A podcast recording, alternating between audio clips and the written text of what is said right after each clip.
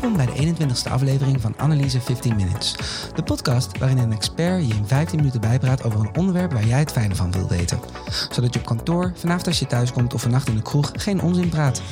Ik ben je host Jerry Huinder en vandaag praat ik met Corné Kempenaar, senior onderzoeker bij de Wageningen University and Research op het gebied van agrosysteemkunde. We hebben het vandaag over precisielandbouw. Um, welkom Corné. Goedendag, fijn hier te zijn. Hoi. Hey, minder landbouwgrond en gezondere producten zonder onnodige pesticiden, die er tegelijkertijd mooi uitzien. Dit alles gecombineerd met prijzen die onder druk staan.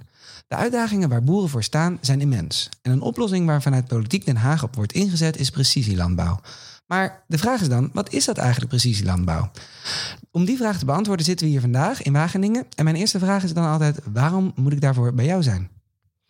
Nou, ik uh, werk al uh, heel wat jaar in het landbouwkundig onderzoek. En uh, achtergrond is plantenziektekunde. En ik ben uh, zo'n twintig jaar geleden ook in het precisielandbouw onderwerp terechtgekomen. Een onderwerp wat gaat over een combinatie van biologie en technologie op het boerenbedrijf. En ik heb er best wel veel onderzoekservaringen op gedaan. Oké. En wat is het domste dat je ooit hebt gehoord over precisielandbouw? Nou, dat is eigenlijk het idee dat de boer overbodig zou gaan worden. Uh, door de vele technieken die er gaan komen. Uh, dat gaat in ieder geval zeker niet gebeuren. Duidelijk. Kan je eens een korte definitie geven van precisielandbouw? Nou, een populaire definitie is uh, de juiste dingen doen op het juiste moment, juiste plaats, in de juiste mate. Oké. Okay. En waar is, dat, waar is dat ooit begonnen? Nou, dat is begonnen. Ehm, ik denk toch, de, de, de interesse uit de praktijk is zo rond 2000 gekomen. Okay. vanuit de wetenschap misschien al iets eerder. Ehm, maar juist rond 2000 kwamen er allerlei technieken beschikbaar die eigenlijk wel aansloten bij de behoeftes van, nou van boeren.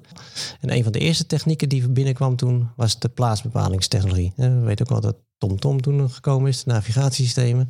Nou, die systemen zitten ook op tractoren. Als je goed kijkt naar tractoren zie je op ieder tractor wel een bolletje zitten. Dat is de GPS-ontvanger. En daarmee uh, weet de boer elke plek waar zijn trekker is. En daar kan hij allerlei data ook vastleggen. Ja, precies. En, en wat deden ze daar in het begin dan mee? Nou, in het begin was het vooral voor het rechtrijden. Uh, dat klinkt misschien heel simpel. Uh, boeren rijden vaak heen en weer over hun uh, akkers. met zaaien, met, met ploegen, met oogsten. Ehm, de sturing van het systeem wordt uh, dan uh, makkelijker gemaakt, of van de trekker wordt makkelijker gemaakt door het rechtrijden. Oké, hey, en, en dat is, was dus echt voor het gemak van, van de boer. Um, hoe heeft dat zich dat in de, in de afgelopen twintig jaar ontwikkeld? Nou, wat je daar uh, op het onderdeel van de. Want precies land bestaat uit verschillende technieken. Het, het, het, het, het, de navigatiesystemen, de rechtrijsystemen. Daar zie je doorontwikkeling dat er nu langzaam maar zeker ook autonome tractoren ontstaan. Uh, is allemaal nog niet af. Uh, heeft ook met veiligheid te maken, om het nog niet. Uh, want er zit op zo'n akker is toch heel veel dingen zijn nog onvoorspelbaar. Ja, maar er zijn genoeg prototypes van tractoren die helemaal volledig autonoom kunnen rijden. Zoals we op de weg dat ook willen, zeg maar. Ja, ja. Ehm, misschien is die techniek was die al eerder verder dan wat er op de weg gebeurt. Ik denk een jaar of tien geleden waren er al zeker ook autonome tractoren. Hey, maar dat is nog steeds denk ik voor, voor gemak. Um, maar het gaat ook om informatie, toch? Juist. Um, kort daarna zijn er allerlei systemen ook gekomen die data verzamelen voor de boer. Een aantal, uh, kijk, Stel je precies landbouw sturen op uh, de variatie die er is. Nou, de boer, om beter zijn, zijn, zijn gewassen te, be, te beheren, heeft hij bodeminformatie nodig. Hij heeft gewasinformatie nodig. Hij heeft weerinformatie nodig. Met name hoe, de, hoe zijn gewassen groeien. En er zijn zo rond 2010 zijn er zijn satellietbeelden eigenlijk wel vrij gemakkelijk beschikbaar gekomen. De uh, Europese Unie heeft een programma gehad waarmee um, nou ja, die, die satellieten die we hebben, daar hangen allerlei camera's onder, die leggen allerlei data vast. Die zijn toch laagdrempelig beschikbaar. Oké, okay. en die zijn zo specifiek dat ik mijn eigen akker, oh, zou ik boer zijn, mijn eigen akker kan zien en, en mijn eigen plantjes uh, uh, kan zien? Je kunt je eigen akker zien. Uh, de schaal is meestal iets van 10 bij 10 meter vlakjes tot, tot nou, de meest nauwkeurig zit ongeveer op dit moment op half bij een halve meter. Okay. Maar dan kun je dus, hè, als je een veld hebt van, uh, van, nou, van 10 hectare groot, uh, zie je daar uh, op je kaart zie je honderden vakjes waar het beter of minder goed groeit. En dat is de informatie waar de boer dan mee aan de slag gaat. Hij gaat kijken van hè, waar het goed groeit, hoeft hij waarschijnlijk niks meer te doen. Waar het minder goed groeit, wordt hij ge, uh, gealarmeerd van hey, die moet je misschien toch iets van meststoffen bijvoegen. Of er is een ziekte, of er is een bodemprobleem. Maar dat kan ik vanuit de lucht zien. Zeg maar, kan ik zien hoe hoog die planten staan of hoe Ja. groen ze zijn? Of hoe Ja. moet ik me dat voorstellen? En ja, dat klopt. En ook een soort opbrengstverwachting die je er dan bij krijgt. Oké. En wat zijn nou de, wa- wat zijn nog andere voorbeelden die, die ontwikkeld zijn de afgelopen twintig jaar? Nou ja, die satelliet is natuurlijk zo'n voorbeeld. Daarnaast heb je eh, de drones zijn er gekomen. Die kwamen ietsjes later. Het zijn dezelfde camera's die eraan hangen, alleen dan ehm, veel hogere resolutie. Hè. Die, die maken opnames van, van enkele centimeters. Op dat soort eh, beelden kun je ook vlekken van of bepaalde ziektes op herkennen. Op, Ja. op een individuele plant? Ja. Ja, of, of, of dat er eh nutriëntentekort is, waterstress. Als je er een warmtecamera onder hangt, dan, dan kun je ook inderdaad watertekort eh, constateren bij planten. Dus gebruiken bij het beslissen over irrigatie. Dus je, je ziet daar dat er in ieder geval aan die planten allerlei dingen gemeten worden. Waarbij de boer dus beter kan beslissen van moet ik nu wel of niet bemesting gaan doen? Moet ik wel of niet irrigatie gaan doen? Moet ik wel of niet eh, ziektebestrijding doen? Hey, en- wat voor voordelen heeft dit voor de boer allemaal? Je noemt er al, al, al een paar, maar kan je, die eens wat, kan je daar eens wat meer over zeggen? Ja, de, de- er twee- voor de boer twee dingen belangrijk. Eh, hij probeert zijn kosten binnen de hand te houden. Dus eh, hij, hij stuurt dus op, op vermindering van zijn, van zijn hulpmiddelen, eh, meststoffen, eh, irrigatie. En hij eh, kan ook sturen op hogere opbrengst. De plekken die achterblijven, wordt hij eerder over gealarmeerd en, en kan hij eerder bijsturen. Hè, dus dus de, mes snijdt naar twee kanten. Resource use efficiency. beter met je hulpmiddelen omgaan. En aan de andere kant ook hogere opbrengst halen. Nou lijkt het me dat, dat als dit al twintig jaar zo is, dat, dat eigenlijk elke boer hier mee werkt. Dat is nog niet zo. Waarom niet? En is recentelijk ook nog een keer op een rij gezet. Ehm, uiteindelijk is het toch wel complex om het toe te passen. Ehm, dat heeft te maken met eh, bij iedere toepassing heb je data nodig. Je moet beslissen wat je dan, hè, wat, je, wat je beslissing wordt op die, op die data. En vervolgens heb je ook een, een mechanisatie nodig die dat kan uitvoeren voor je. Dus dat is best wel een, eh, nou ja, een ingewikkeld traject. En eh, die boer moet zorgen dat die, eh, nou ja, dat die digitale data ook gaat stromen naar zijn machine en dat het gaat uitvoeren. Daar zit het met name in de laatste stap van, van, van, van wat je besloten hebt te gaan doen. Dat heet dan de taakkaart naar dat die machine dat gaat uitvoeren. Daar zitten best nog wel een paar ICT-hobbels. Oké, want, want die machine kan nog niet uitvoeren dat als ik dat zie en ik zie op dat plantje zie ik dat, dan wil zeg ik ik wil daar een beetje mest hebben. Ja? Dan kan die ma- machine dat nog niet zo specifiek uitvoeren dat daar dat beetje mest komt. Eh, Er zijn machines die dat kunnen. Ehm, maar eh, je kan je voorstellen dat dat een, eh, een digitale stroom is van informatie. Die, eh, die, die, die opdrachtkaart die wordt ergens op een laptop gemaakt. Die moet, meestal wordt die nu nog op een USB-stickje meegenomen naar de tractor toe. In de boordcomputer van die tractor gezet. Die moet die machine gaan aansturen. En als, overal geen, of als er geen updates ergens gekomen zijn en al de flow goed is, dan lukt dat. Maar her en der zit er ook nog eens een keer een kink in de kabel. Wat levert het boer op? Want je hebt natuurlijk in, in, in- met, met dit soort technische ontwikkelingen altijd koplopers. Eh, Kan je iets vertellen over de koplopers, wat die erover zeggen? Hoe, wat het ze oplevert en, en waar ze tegenaan lopen? Nou, de koplopers zijn vooral degene die eh, het, het vooral ook ehm, interessant vinden en niet bang zijn voor die ICT-uitdagingen. En die dat ook, ook niet erg vinden als ze s'avonds een keer wat extra tijd erin moeten stoppen om de, de hobbel op te lossen. Ehm, wat krijgen ze daarvoor? Hè? Ehm, ze krijgen er een klein financieel plusje voor. Want, eh, en dan, dan ligt het er maar even aan of je al de tijd die je er extra in stopt ook eh, nou ja, uitbetaald wil hebben. Ehm, wat ze er ook voor krijgen in ieder geval is dat ze minder eh, gewasbeschermingsmiddelen gebruiken, minder meststoffen.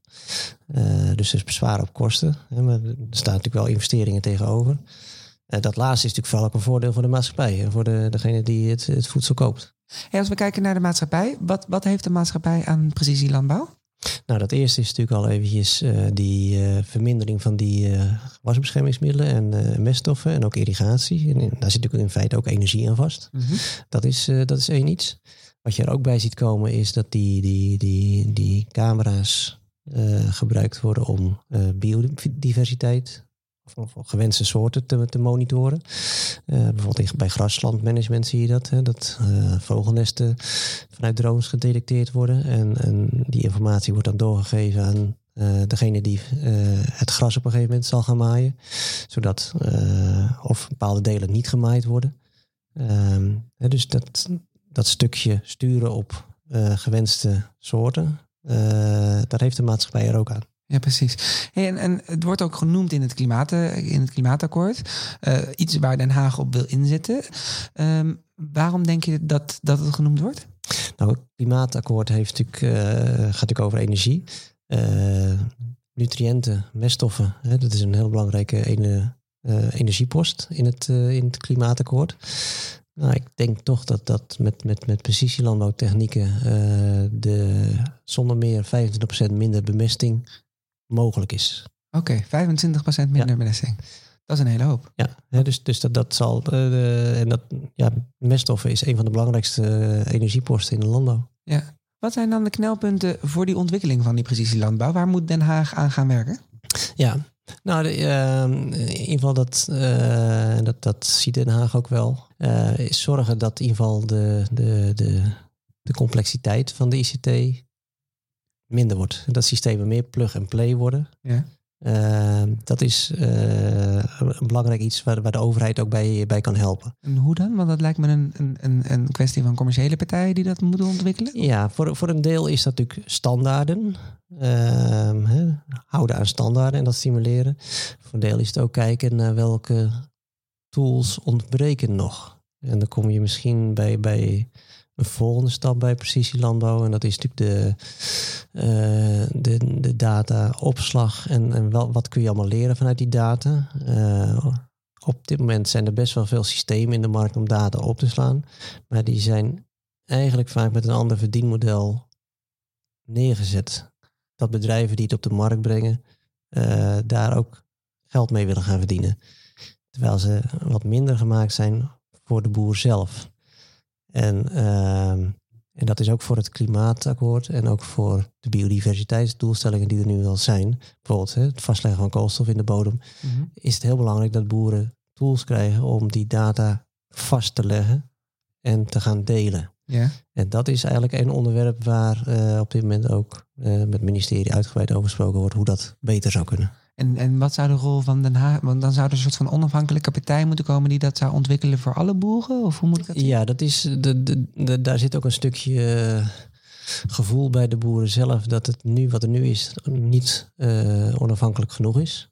En wat ik al eerder zei, van, hè, de, eh, systemen die er drie, vier jaar geleden op de markt gekomen zijn... toch vaak vanuit een wat ander perspectief gemaakt. Van, we zorgen dat data bij elkaar komt... en dat komt ergens op de markt terecht. Oké. En, en dat vinden ze eng? Dat vinden ze eng. Oké, duidelijk. Wat gaat de toekomst brengen? Nou, wat gaat de toekomst brengen? Ik denk, uh, precies landbouw is een groenmodel. Het, het, ieder jaar zie je, er komt steeds meer bij. Uh, je zult ook zien dat het, het maken van slimme beslissingen op, op die pool van data steeds, steeds meer gaat worden. En dan die uitvoering, die, dat, komt, dat zal ook wel bij gaan trekken. Wat je ook gaat zien is dat er ook autonome meer autonome toepassingen gaan komen. Um, er zijn best, nog wel even van, er zijn autonome tractoren. Ik denk dat machines een stuk kleiner gaan worden. En dat je misschien wel een zwerm van kleine uh, platforms gaat krijgen op de, uh, op de akkers. Duidelijk. Um, tot slot, als ik vanavond in de kroeg echt slim wil overkomen, wat moet ik dan zeggen over precisielandbouw? Nou, ik zou een lekker biertje bestellen. En dan uh, zou ik vertellen van, wist je dat er uh, als, als, als gerst op het land groeit, dat daar aan die bodem vaak al een sensor overheen gegaan is die gekeken heeft of die gerst hier wel goed gaat groeien.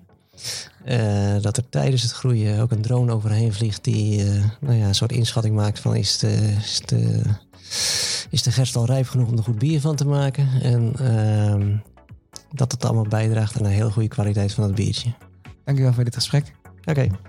Dit was de 21ste aflevering van Analyse 15 Minutes. Bedankt voor het luisteren en mocht je een andere aflevering willen horen, ga dan naar iTunes, Spotify of Soundcloud.